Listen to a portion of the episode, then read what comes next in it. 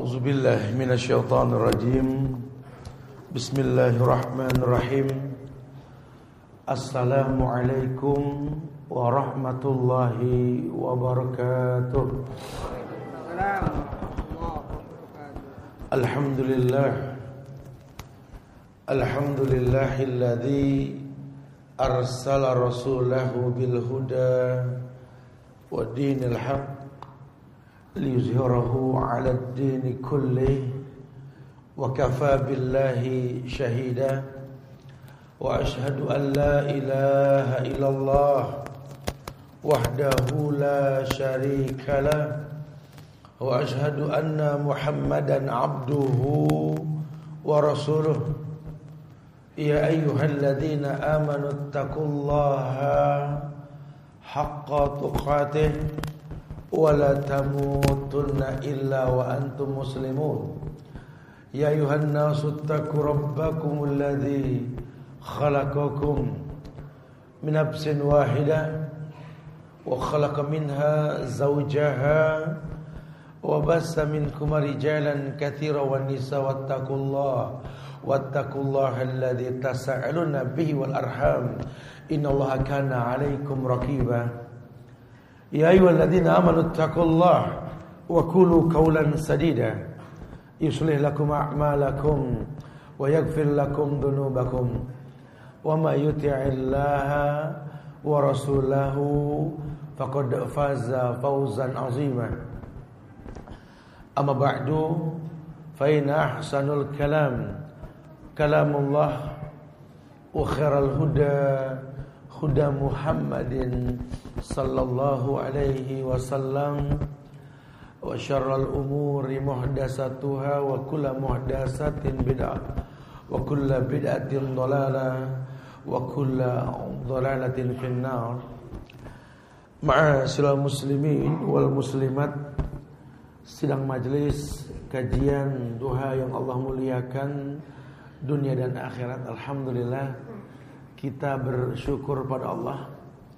Izin Allah Kembali Allah mudahkan kita berkumpul Di setiap hari ahad Pekan yang ketiga jam 7 pagi ini. Di masjid kita tercinta Agung Al-Azhar ini yang mudah-mudahan Allah jadikan tempat ini selalu menjadi bagian penyubur iman anak bangsa insya Allah Pencetakan generasi Rabbani. Karena negeri ini akan selalu membutuhkan generasi Rabbani Generasi yang bisa mempertahankan agar rahmat Allah selalu datang ke Indonesia. Ya, karena kalau tidak ini makin banyak pecundang-pecundang agama yang mudah mengatasnamakan Islam itu Nusantara dan lain sebagainya.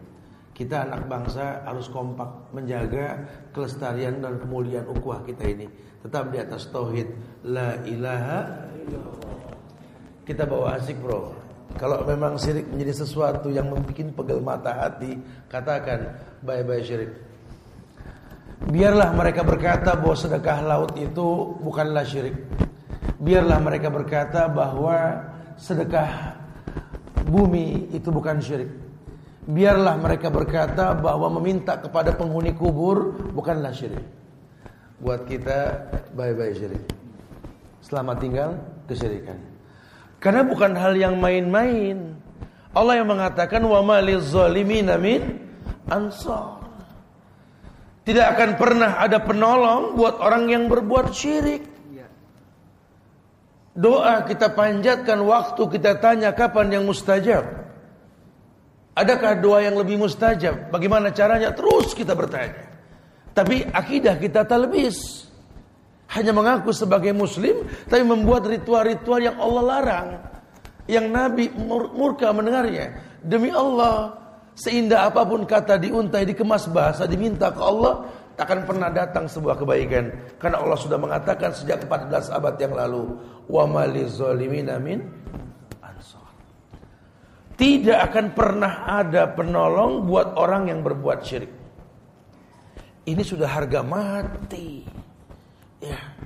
Sama dengan istilah Nabi sudah mengatakan la'anallah al-mutasabbih minar rijal wal mutasabbihat minan nisa. Nabi ngomong loh. Allah melaknat laki-laki yang lembut kayak perempuan, perempuan kasar kayak laki LGBT. Eh malah disupport. Dikasih job suruh jadi MC, bawa acara. Suruh buka salon. Aduh. Ayat kan jelas. Ketika Allah mengatakan ya ayuhan nas inna khalaqnakum min dzakarin aw unsa. Eh manusia kami Allah menciptakan kamu manusia itu laki dan perempuan zakar wa unsa. Enggak ada yang remeng.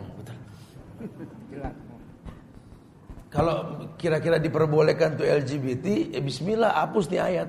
Gitu.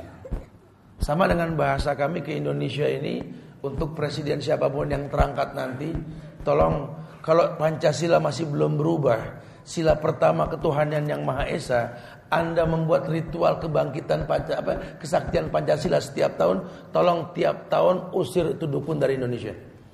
Kalau enggak hapus tuh Pancasila sila pertama, ketuhanan yang Maha Esa. Yang Esa siapa? Allah.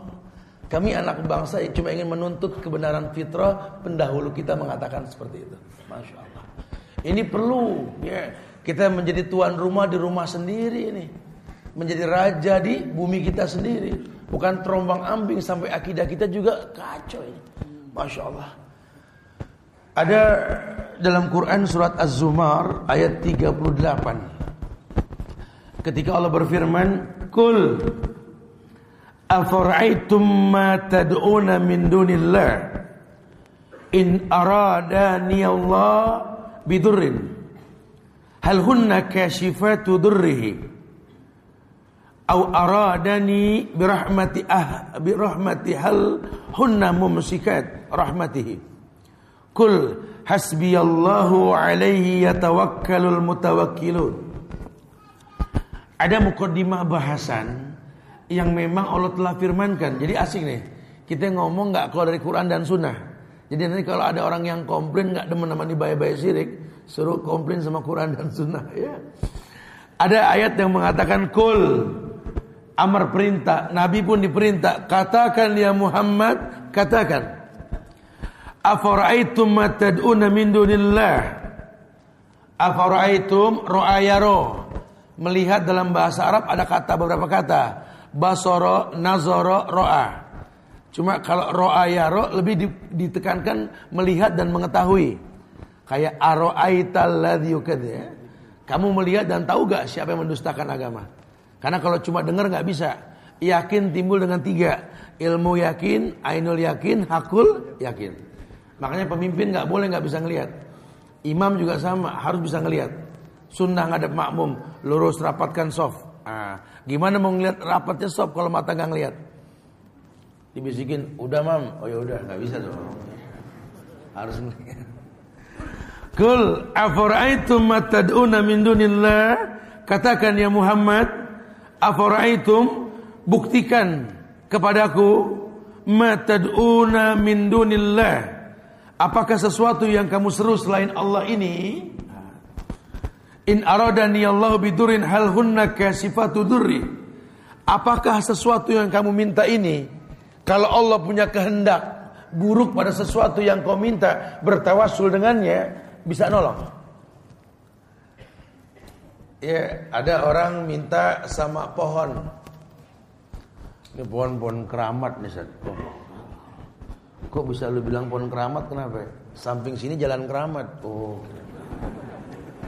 Udah udah merinding duluan kita mau Ini pohon keramat. Keramat tuh bahasa Indonesia, asal bahasa Arab karomah.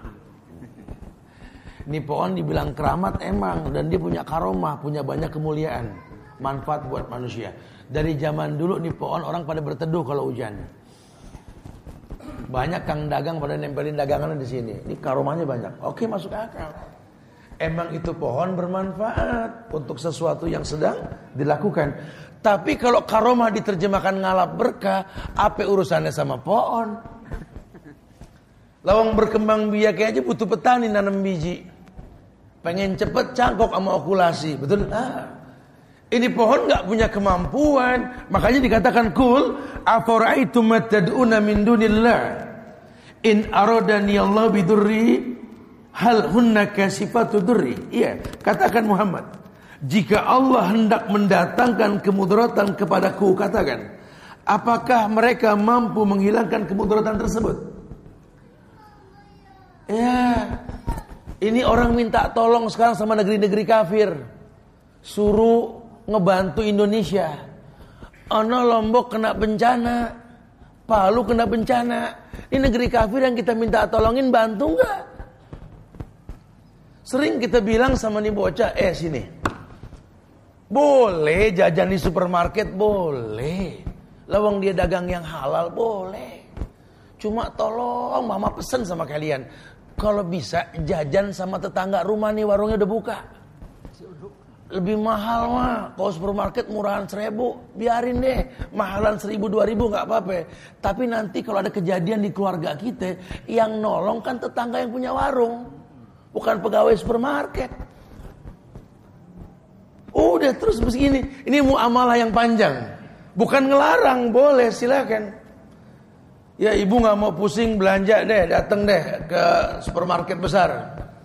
Borong. Tapi jangan lupa ini tetangga buka warung, pengen dijambangin juga. Suruh deh anak beli sesuatu agar belajar berdialog, belajar berinteraksi karena kita punya agama yang mengatakan la yadkhulul jannah man. Tidak akan pernah masuk surga orang yang tidak kenal dan memuliakan tetangganya. Kan butuh pelatihan. Dulu zaman kita kecil mah belanja di warung sebelah. Boleh, boleh. Kadang dagang, eh iya, iya. Bisa keguyonan kita dari pagi. Ini ini ini ini yang Islam inginkan begitu. Kenapa? Karena berpikir panjang dia bisa nolong. Di kita ini aneh. Masya Allah, Raja Islam datang bantu nggak diopenin. Padahal kalau sampai open-openan, satu kita nggak terjebak dalam riba, kita haji gampang. Eh mau dibubarin kedutaannya. Kita berangkat aja lewat Poncol besok. Masya Allah, Subhanallah. Ini kalau orang Inggris bilang boten-boten saja ini ya. Aduh, Eh masa dari sekian ribu yang hadir nggak ada yang jadi presiden, jadi gubernur di sini. Doainlah, amin. Kita udah kangen pengen punya pemimpin yang apal asmaul husna ini. Ya, mudah-mudahan calon yang pengen calon pada mudah nih ya. Saya bangga sekali satu waktu nih mungkin di antara pemimpin kita ini mempertontonkan menghafal asmaul husna di hadapan masyarakatnya. Kalau kata sahabat Nabi kalau 40 hari orang sholat berjamaah nggak ketinggalan takbir, dipastikan hilanglah sifat kemunafikan dalam dirinya. Andai mereka mau dikarantina 40 hari sholat berjamaah nggak berhenti. Kita punya pemimpin yang nggak berbuat munafik. Tugas rakyat tinggal ngedoain. Ya, nggak usah pada ngamuk-ngamuk di jalan, mendingan kumpul di masjid kita doain sini. Karena dalam Islam ini la yaruddul qada ila doa. Tidak ada yang bisa merubah takdir kecuali jadi bukan tugas kita yang ngedatengin hidayah buat orang, ya. Itu tugasnya Allah. Kita cuma bikin sebab. Sebab yang pertama, falyughayyir biyadi, robah dengan tangan. Kalau ngerubah dengan tangan bakal mudorotnya lebih besar, jangan. Agama nggak menimbulkan mudorot. Falyughayyir bilisani. Robah dengan lisan. Begini nih, ajak orang berbuat baik. Yuk kita doain di pemimpin-pemimpin kita yuk. Enggak susah kok doain presiden, doain Pak Wakil Presiden, doain Pak Gubernur. Enggak, enggak susah. Tinggal minta ya muqallibal qulub sabit qalbakum ala dinik wa. Enggak susah kok. Doa ini ya. Semoga Allah berikan hidayah. Ini lebih baik karena di atas syariat. Ya, di atas sesuatu yang dicontohkan. Iya. Enggak perlu kita buat sesuatu yang baik menurut kita, tidak. Taib. Allah mengatakan begitu. Au aradani bi rahmatin hal hunna mumsikati rahmatihi.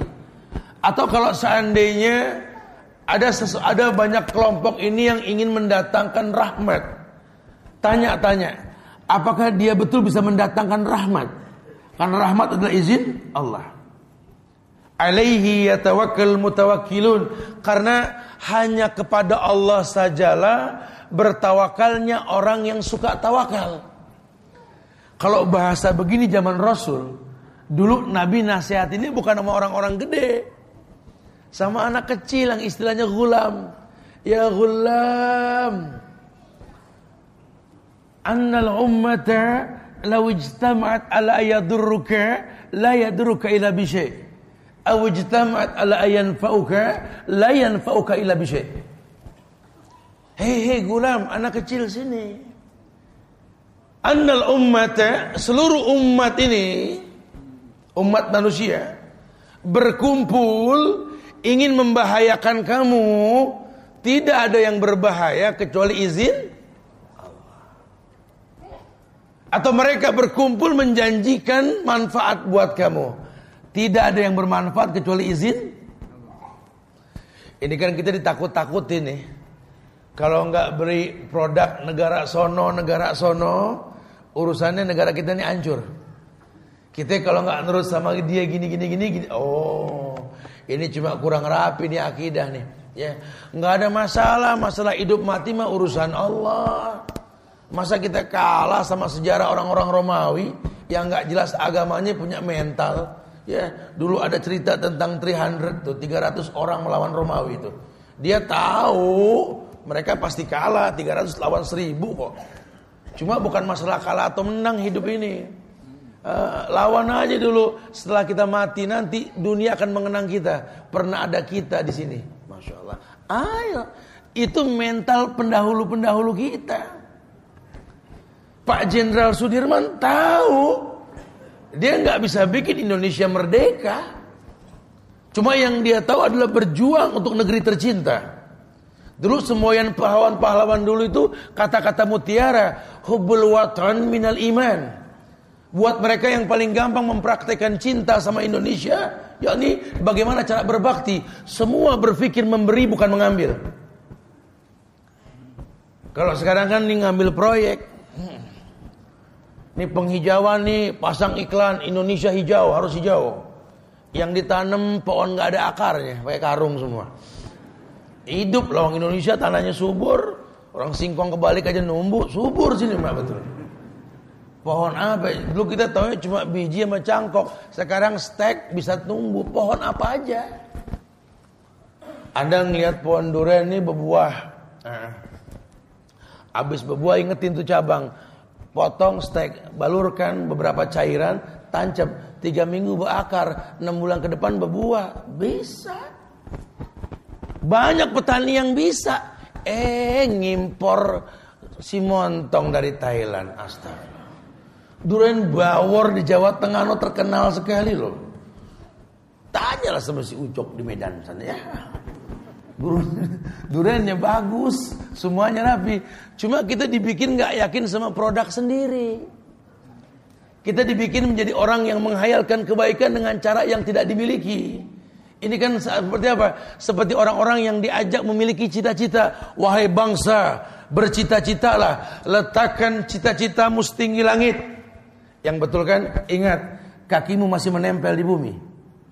Tapi ini enggak. Ting, apa, letakkan cita-citamu setinggi pesawat di atas langit. Kamu ngikut nempel gitu ya.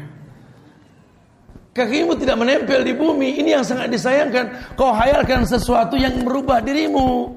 Anda seorang muslim yang tidak berubah. Karena Islam tidak merubah. Islam cuma mewarnai. Ayo dong bangkit anak bangsa, jadi pengusaha tapi ingat Anda muslim. Ayo dong anak bangsa bangkit, jadi pejabat, butuh pejabat yang baik, tapi ingat Anda muslim. Ayo dong, pilih, pilih pemimpin kamu, tapi ingatkan yang muslim, kan begitu.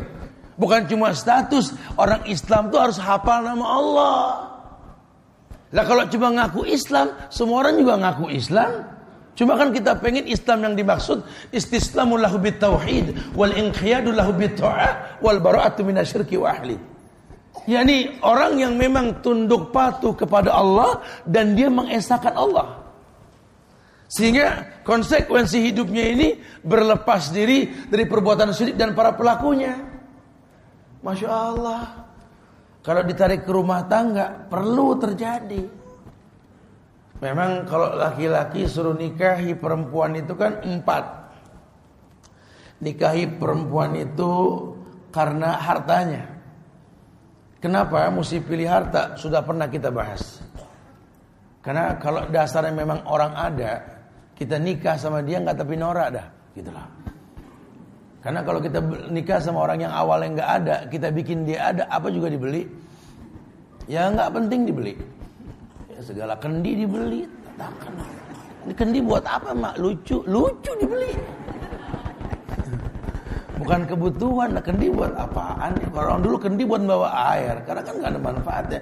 Sampai kayak keluarga tuh kendi, bapaknya, bininya, anaknya banyak.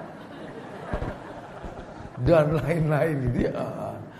Makanya kalau memang uh, orang yang ada, kita nggak tapi dibikin pusing deh. Uh, dia juga memang sudah bisa survive lah. Uh, boleh. Bukan bukan Islam tuh matre, bukan. Makanya buat ayah Jadilah orang yang sukses bikin senang is, apa sama anak perempuannya supaya jadi anak yang kaya boleh, nggak apa-apa. Yang kedua, suruh nikah karena nasab dan silsilahnya. Ini penting banget nih. Ya, karena kan kita orang laki ini kita nggak tahu umur betul. Kalau kita cari cuma modal cakep doang, nikah, dia hamil, kita mati, anak kita di tangan siapa ya? Kudu pikir panjang tuh. Ya. Maka dibilang al walad lil khal. Anakmu tergantung iparmu. Berarti anda nikah bukan dengan perempuan ini saja dengan kakaknya keluarganya saudaranya. Karena biar bagaimana anda kan kayak burung terbang pagi pulang sore. Anak dititip siapa? Anda butuh madrasah betul lihat nasab lihat mertua agamanya lihat keluarganya lihat itu penting banget dan yang ketiga cakep me boleh perempuan harus cakep Tiap hari ketemu dia lagi dia lagi betul kalau nggak cakep kebayang. Tapi kan relatif ya. Cantik itu kan inner beauty timbul dari hati. Kalau cantik yang asli kayak senyum yang asli, nggak dibikin-bikin. Uh, sehingga timbul sekali keindahannya boleh.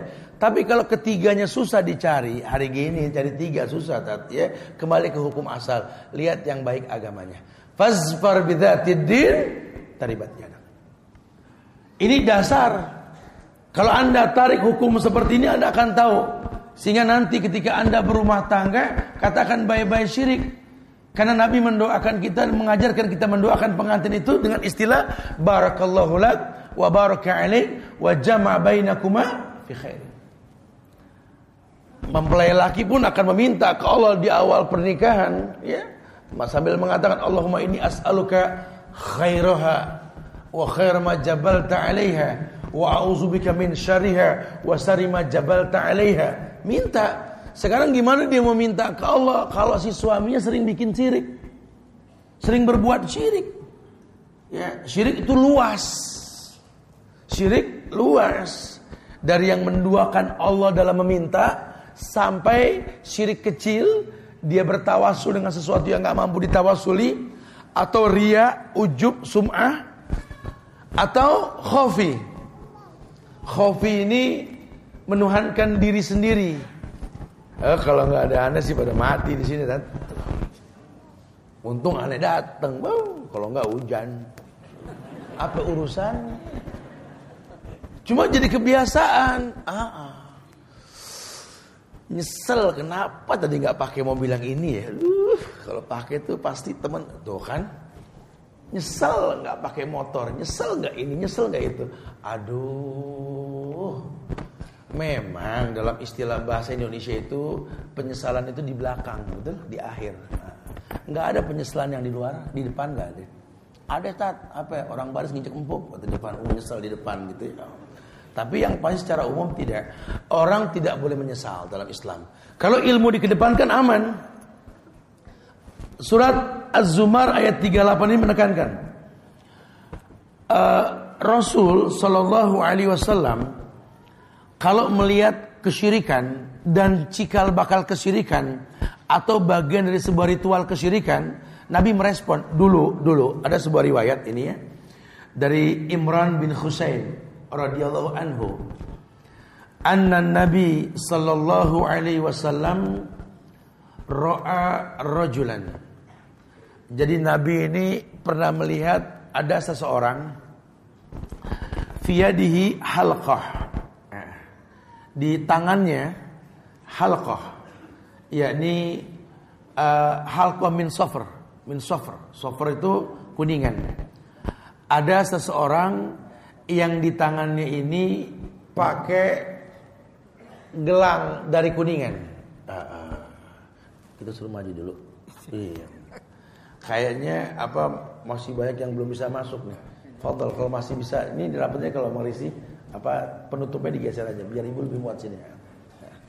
Yang laki bisa maju. Tapi saya berdua bisa di belakang kok. Afan ya, afan ya. Kita kasih kesempatan buat yang lain, masya Allah. Iya. Ro'a rojulan fiyadihi halqatun min safar. Dulu, dulu, dulu. Ya, ini Rasul pernah ngelihat ada orang yang di tangannya ini gelang dari kuningan. Uh, ya halqa min safar. Halqa tuh sesuatu yang ada letak gantung atau apa gitu ya. Faqala mahadhi bahasa kita apa ini? Apa ini? Qala minal wahinah ya Rasulullah.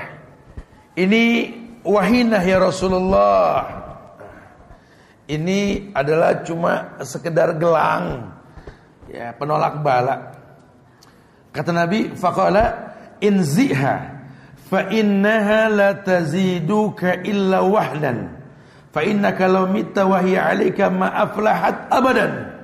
Rawahu Ahmad bi isnadin la ba'sa ketika dia mengatakan ini cuma sekedar gelang. Untuk apa ya uh, karisma. Jadi uh, wahinan ini buat keren-kerenan lah kalau kita ada gelang bahar ada ini. Tapi memang hukum asal laki-laki ini Zaman Rasul tuh nggak ada yang pakai gelang, cincin kuning tuh nggak ada. Karena hukum asalnya kuning itu kan emas. Walaupun nggak semua yang kuning emas, tapi ini identik. Laki-laki haram pakai emas. Sahabat nggak ada yang sengaja perak di sepuh emas. Orang sekarang kan sengaja ngeyel. Oh nggak boleh emas. Uh, kalau perak di sepuh emas, kontemporer atau fikih. Berarti fikih waki, fikih baru. Ulama berijtihad, selama zatnya bukan emas, maka yang kuning boleh dipakai asal bukan emas. Begitu kan? Nah, itu fikih kontemporer. Tapi kalau ulama tahu yang kuning emas itu haram, dia nggak akan pernah bikin semua aksesoris kuning. Karena mungkin merujuk istilah gelang emas ini kan kekayaan sombong, cincin emas kan iya, arlojinya emas iya, ngapain? Nggak ada manfaatnya hilang kemudian Nabi mengatakan inziha. Lepas itu uh, gelang yang warna kuning. Fa innaha la taziduka illa wahdan. Ini yang kamu pakai buat sohor buat jadi mulia akan selalu menghinakan dirimu. Fa innaka law mitta wa hiya alayka ma'aflahat abadan. Kalau kamu mati lagi pakai itu gelang kamu mati dalam kondisi rugi ma'aflahat abadan. Tidak akan pernah beruntung kamu aflah. Hayyalal falah jadi dia sholat juga kalau pakai jimat berbentuk gelang. Ya kuningan gelang bahar atau gelang-gelang apalah yang buat tolak balak macam-macam kan? Anak-anak sekarang kan asosiasi itu kulit. Itu gelang-gelang kulit yang dikepang-kepang itu awalnya itu dipakai orang-orang suku Dayak. Buat tolak balak ada kulit babi kulit kuda kulit ini ya. Memang dibikin buat begitu kan itu wasilah dengan jin yang diajak kerjasama Suka orang bilang, Ustaz, saya ini jadi kayak kebawa dosa keturunan. Enggak ada dosa keturunan, enak aja. Mana ada turunan dosa? Turunan gampang, naikkan capek kan begitu ya. turunan nggak dosa orang enak ya. Ya uh, dulu mungkin Ustaz, nenek moyangku, tuh nenek moyangku tuh dulu mungkin pernah kerjasama sama jin. Jin bilang, saya akan bantu kamu tapi tolong tanam pohon sengon belakang rumah, gitu ya. Sengon apa? Pohon apa? Bukan sengon, uh, pohon rengas eh pinggir kali itu, yang buahnya nempel-nempel di badannya. Jadi itu pohon-pohon yang nggak ada manfaat, gede, bongsor, buahnya banyak, mata seneng, dimakan gatel, sengon tuh. Emang emang emang jin seneng yang nggak ada manfaatnya. Nah selama tuh pohon ada ratusan tahun, biar kakek neneknya udah meninggal, itu jin akan terus jaga cucu-cucunya. Gimana cara ngebuangin nih jin Ustaz? Akadnya ilangin. tebang tuh pohon sengon. Begitu bahasanya. Atau jin bilang tolong nih pakai cincin mirah sirop apa mirah mirah delima mirah delima mirah. Selama cincin ini dipakai maka jin itu menjadi akad dengan cincin. Nah kalau mau dirukyah bukan cuma rukyah, buang sebabnya. Nah itu akad tuh. Ah, ya. Ini akan terjadi seperti itu. Sehingga keluarga dia ini lama-lama ngaji, ngaji, ngaji, ngaji. Kok ringsang ya Ustaz? Ya iyalah. Padahal jinnya jin Islam. Hatta jin Islam. Kata Rasul, jin Islam tiga hari tinggal di rumah, usir. Allah murka sama jin yang tinggal di rumah manusia. Jadi jangan dibilang nih jin Islam bagus, karena kan tontonan TV kita ini kadang-kadang anak-anak ngelihat nggak semua jin jahat. Itu buktinya si Casper baik gitu lah. Anak sekarang mama beliin Casper, Casper. Kata mamanya, Casper punya emak, serem, serem gitu. Ada si Tuyul dan si Mbak Yul. Ah, Dibikin tuh gimana caranya supaya orang Islam ini tahu nggak semua tuyul jahat. Tuyul baik, buktinya dia doang yang mau kasih duit, gitu, gitu kan. Astagfirullah. Tuyul tuh bahasa Indonesia, bahasa Arabnya ifrit. Ifrit. Jadi jin itu macam-macam. Salah satunya ifrit. Tiap jin, suku jin tuh punya kebiasaan yang berbeda. Ifrit, suku ifrit itu punya kebiasaan memindah-mindahkan sesuatu. Ifrit. Ada suku korin, Taluh, Koinuha dan sebagainya. Ada beberapa nama suku-suku jin. Tiap suku itu beda karakter. Ah, ya. Yang bisa diajak kerjasama buat sihir, buat guna-guna. Nah nanti syaratnya beda-beda. Yang paling sering dipakai itu ifrit. Ifrit. Sampai ada orang dulu katanya yakin dia bahwa dia bisa sholat Jumat tiap Jumat di Mekah. Dan banyak orang yang lihat dia di Mekah. Ini kan waduh, wow jangan kan hati-hati. Di sini waduh, agama udah kacau Ustaz. Kacau gimana maksudnya? Jumatan ini di Mekah mulu Ustaz. Makanya kita kalau hari Jumat mau nemuin dia jam 10 udah nggak bisa Ustaz. Dia udah di Mekah Ustaz. Oh, sholat Jumat. Jam 10 di Indonesia. Mekah jam berapa? Jam 8, eh jam jam 6. Jam 6. Kita jam 12 di sini sholat Jumat. Di Mekah jam berapa? Jam 8. Jam 2 dia udah pulang lagi kemari. Jam 2 di Indonesia di Mekah jam berapa? Jam 10. Jumatan apa jam 10? Ini di EOI nama jin mau aja nih. Dan ternyata ketika dia sudah tobat, dia bilang dia kerjasama sama Ifrit. Ini ada kisah nyata. Dia kerjasama sama Ifrit dan dia harus melayani Ifrit di Sodomi setiap malam Jumat. Jin itu buatan-buatan. Kitanya menghalalkan semua cara. Sama cara orang pengen umroh, pengen haji, uangnya nggak diperhatiin dari mana. Ya Allah Ustaz, hari gini Ustaz. Kita di kantor kalau lurus-lurus aja sih, kapan umrohnya? Harus begini, Ustaz. Jadi kita kalau di kantor nggak pinter begini, nggak umroh. Waduh, ya kalau cuma begini saya juga bisa, ya kan? Maksudnya apa nih?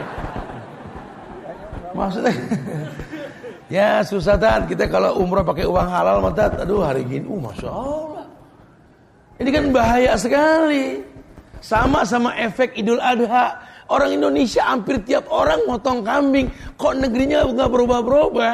Karena di antara kita banyak yang nggak paham usia kambing. Kita cuma dikasih kambing bongsor, umur belakangan.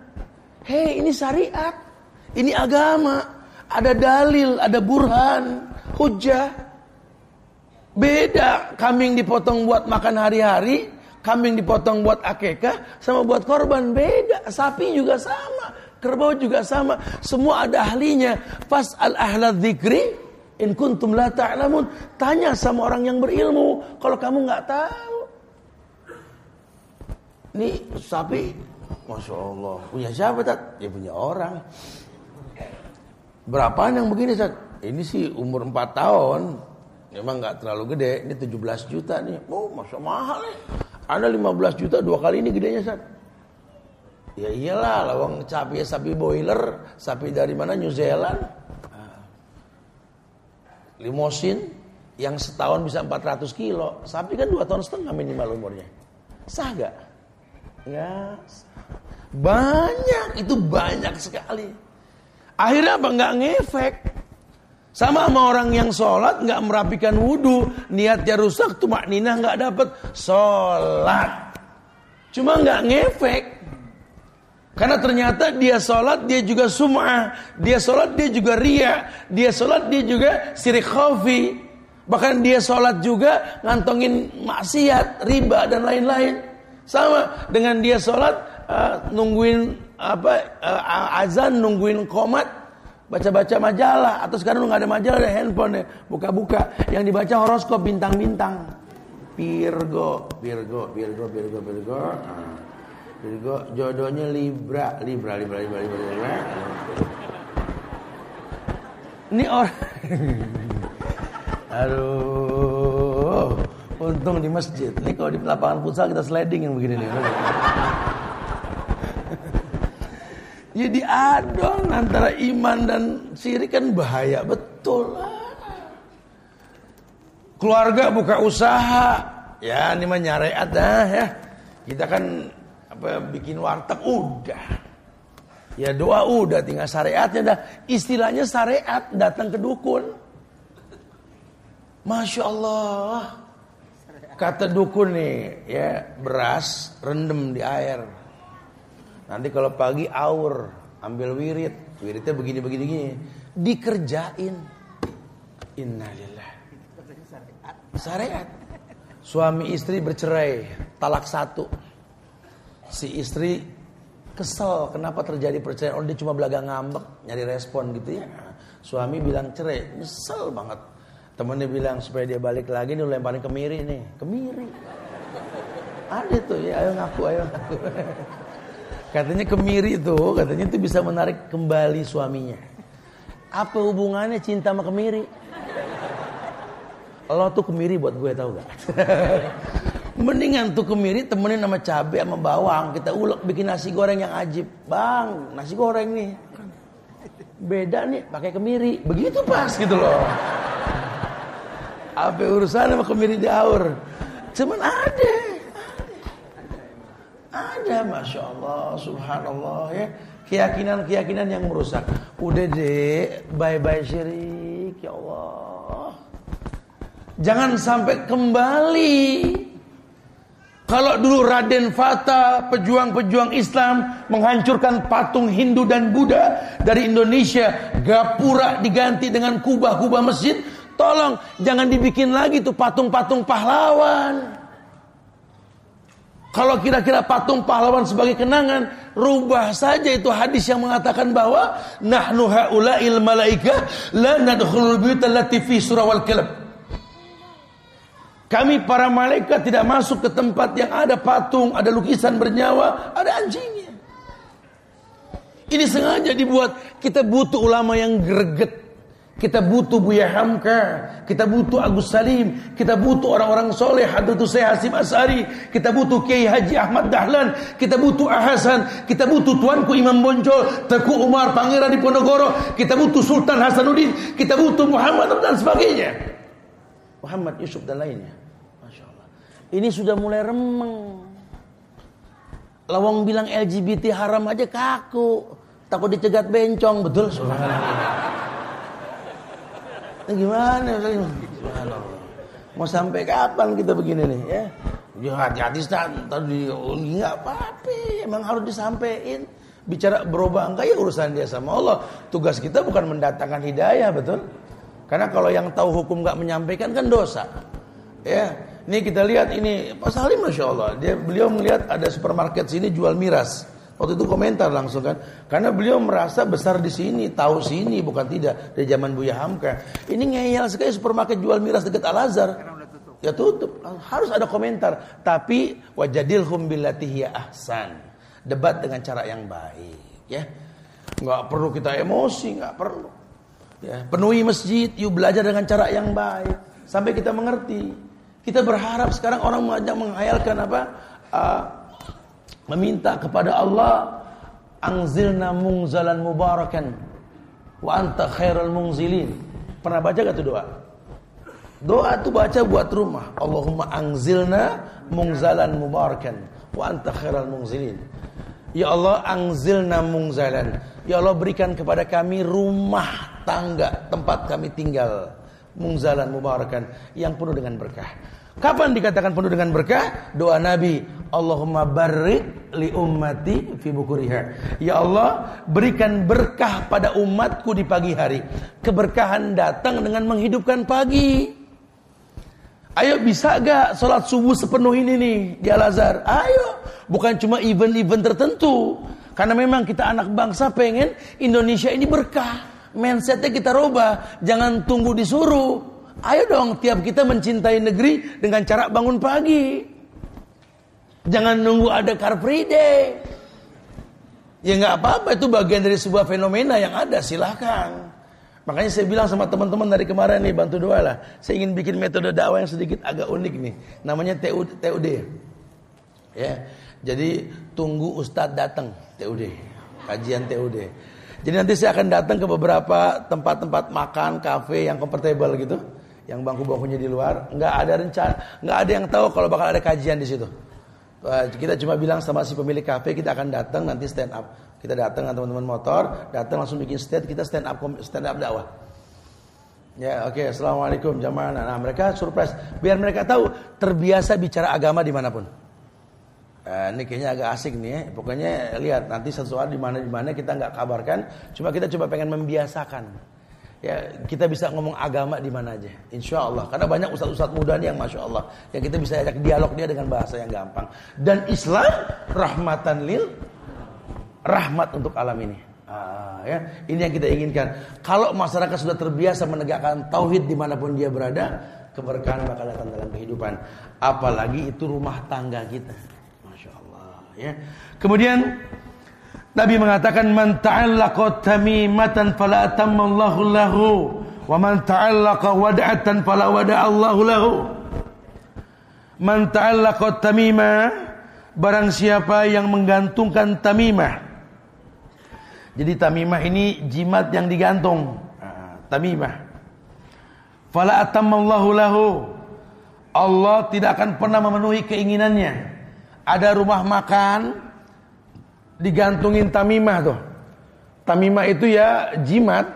Jimat itu sebenarnya jamaah, artinya sesuatu yang dikumpulkan pada sebuah tempat. Tapi kadang-kadang di Indonesia disingkat jimat itu aji-aji yang di rumah. Ya macam-macam lah di kita ya, di, di apa didawamkan. Itu digantung di rumah makan. Ah. Ustadz kita makan di restoran yang ada jimat digantung boleh gak Ustadz? Hei, kalau masalah makanan kembali kepada hukum asal. Siapa pun yang jual makanan silakan. Yang penting tahu makanannya apa. Ya, kalau makanannya memang kerupuk kulit ya makan. Kalau kulit guguk jangan gitu gitu. Ya, lagi nggak mekar katanya gitu. Jadi nggak masalah. Cuman khawatirnya terkena efek keburukan tersebut. Ah, ya. Karena Allah kan melaknat tamimah. Fala atamma dan tidak akan pernah bisa mencapai keinginan orang yang masak jual makanan pakai gantung jimat. Fala malahu kata Rasul Allah nggak akan pernah sampaikan keinginan dia. Padahal makanannya empat sehat lima sempurna. Tapi dimakan sama orang nggak ngefek sehatnya. Kenapa? Karena Allah batalkan keinginan si pembuat. Fala atamma. Fala atamma. Nggak boleh. Dan uniknya tamimah ini harus digantung kelihatan sama orang uniknya. Berarti kan terang-terangan. Seberapa susahnya sih diumpetin di balik balok, kasok, di atas gitu? Enggak, harus kelihatan. Ini menandakan apa? Jin, setan menang. Tempat itu sudah lokasi dia terbukti kok. Bumi yang Allah merdekakan atas berkat rahmat Allah, jin pasang iklan. Iklan dong, ya. Gua ada di sini, asal lo tahu ya, tuh. Sama dengan iklan-iklan spanduk rokok, riba. Itu menandakan kemenangan mereka di negeri Islam. Tetap mayoritas Islam. Cuma kan kayak di lautan. Terbukti kok barang haram pasang iklan. Sukses gak? Sukses. Riba terang-terangan. Ayat mengatakan dengan tegas. Nabi menyampaikan la yakumuna illa kama yakumul ladzi yatakhabbatu syaitan minal mash lianahu akilur riba. Orang yang suka makan riba, bangun paginya kayak orang gila bangun tidur. Jelas haram. Allah haramkan riba. Allah muliakan sedekah. Riba pasang iklan menang. Menang. Terang-terangan. Ini mau sampai kapan negeri kita digini mau sampai kapan? Eh anak bangsa bangkit, bangkit. Indonesia ini milik kita. Kalau anda cinta sama Indonesia jangan cuma nonton, jadi pemain, tapi di atas kebenaran dengan ilmu. Nah, kuncinya besok pemilu. Jangan ada yang golput. Ayo pilih siapa pun yang mau dipilih. Pilih dengan ilmu. Beristikharahlah. Siapa pun yang terangkat nanti doakan. Udah, yang lalu-lalu kerjaan kita ngegibah presiden di handphone. Ya, anekdot, ledekan macam-macam sudah-sudah. Itu yang sudah-sudah, itu ghibah. Ke depannya doain siapa pun yang terangkat. Dan kita berharap mudah-mudahan nanti pemimpin yang terangkat, yuk kajian di Al-Azhar.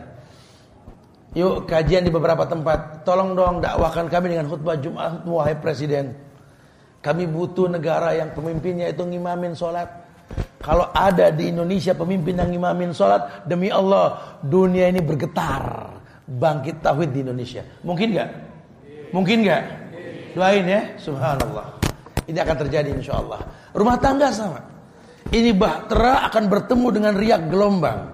Tidak akan pernah bahtera bisa berjalan tanpa riak gelombang. Ditampar dinding dari bahtera tersebut. Tapi tamparan tersebut adalah ujian. Ujian yang membuat manusia bisa mendapatkan kemuliaan. Caranya bagaimana? Wa yaj'alahu makhrajan. Selalu solusi datang buat orang yang bertakwa kepada Allah. Orang yang bertakwa, orang yang mengatakan bye-bye syirik. Selamat tinggal syirik. Masya Allah ya. Man ta'allaqa tamimatan fala atamallahu lahu wa man ta'allaqa wad'atan fala wada'allahu lahu. Dalam riwayat lain annahu ra'a rajulan fi yadi khaytun minal humma faqata'ahu wa tala qawlahu jalla wa ala wa ma yu'minu aktsaruhum billahi illa hum musyrikun. Ada sebuah riwayat dari sahabat Ibnu Abi Hatim dari sahabat Huzaifah bahwa Rasulullah kata beliau ro'a rojulan pernah melihat seseorang lagi fiyadihi khaytun minal humma. Di tangannya itu ada gelang dari tali. Benang. Kayak orang-orang Hindu India tuh. Nah, pada pakai tali apa saya nggak paham namanya itu ya Uh, cuma dikatakan khaitun minal humma. Di mana gelang tersebut kita ada ganti gelang gelang kesehatan. Ini khaitu khaitu minal khaitu khaitu minal humma. Gelang yang dipakai buat kesehatan. Padahal kalau itu gelang memang nyambung sama zat yang bisa menghilangkan penyakit, dokter yang ngomong deh. Pasal ahla dzikri. Ya, di kita ini mulai banyak nih. Produk-produk Cina nih. Masuk ke kita ya. Produk-produk negara-negara kafir berbentuk gelang kesehatan. Betul? Tapi ini tadi iya iya iya. Anda cuma jelasin doang sini ya. Haitun minal humma. Ini gelang yang dibuat untuk tolak penyakit humma. Humma itu demam. Penyakit kurang enak badan nggak sehat gitu ya. Jadi dibilang gelang kesehatan. Kalau pakai ini gelang kita sehat gitu ya fakotoahu Kemudian Nabi bukan ahu ngelihat begitu dibedol. Bedol tahu? Dibetot, diputusin. ahu. Watala kaulahu. Kemudian langsung beliau tunjukkan ayatnya. Surat Yusuf 106. Beliau mengatakan, "Wa ma yu'min billah illa musyrikun." Dulu begini kondisinya. Kebanyakan mereka tidak beriman kepada Allah, tetapi mereka orang yang selalu berbuat syirik. Nih lihat orang Islam, awal syirik dari sini. Awal syirik dari sini. Kita berobat ke dokter aja, itu bukan obat yang nyembuhin kita. Obat cuma wasilah. Yang nyembuhin siapa? Allah itu obat yang diramu dengan zat yang memang bisa kontra dengan penyakit. Ini gelang yang nggak nyambung. Cuma katanya, katanya, katanya.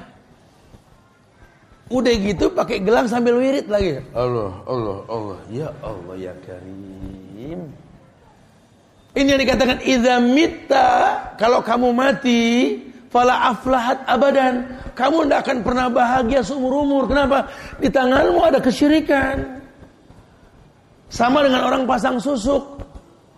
Mau meninggal, copot tuh susuk. Kalau nggak repot urusannya. Susah matinya, susah. Cuma bedanya susuk dalam kulit. Bedanya gelang diletakkan, taruh di leher. Ini terombang ambing akidah kita. Orang Islam sudah menganggap biasa. Bahkan orang yang dikatakan orang ngerti agama di pojokan Jogja aja mengatakan bahwa sedekah laut sudah bukan syirik.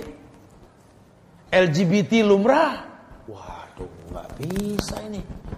Ah, kita mau diemin aja kondisi kayak gini.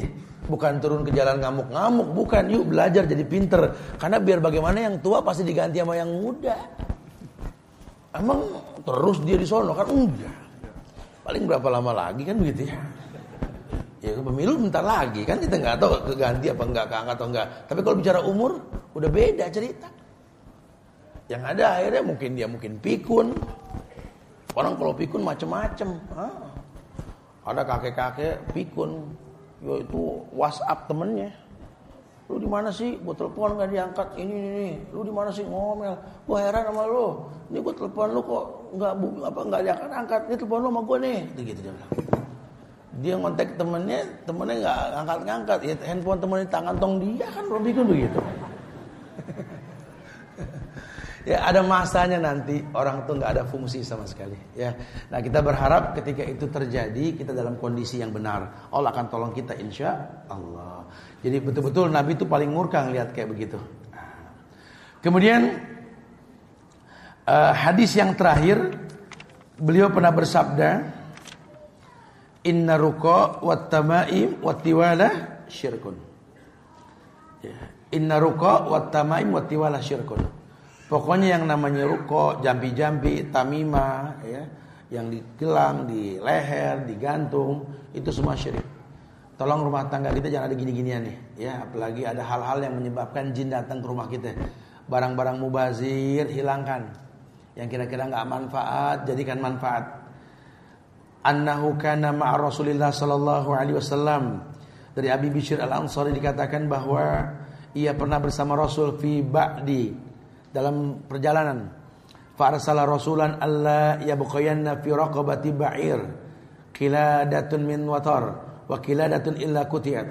Kata Rasul, dulu kami kata si Abi Al Ansori ini, Abi Bishr Al Ansori ini, kami pernah jalan sama Rasul, Nabi ngewanti kita mengatakan bahwa kata beliau supaya tidak dibiarkan lagi di leher onta terdapat kalung dari tali busur atau kalung dari apa pun kecuali harus diputuskan.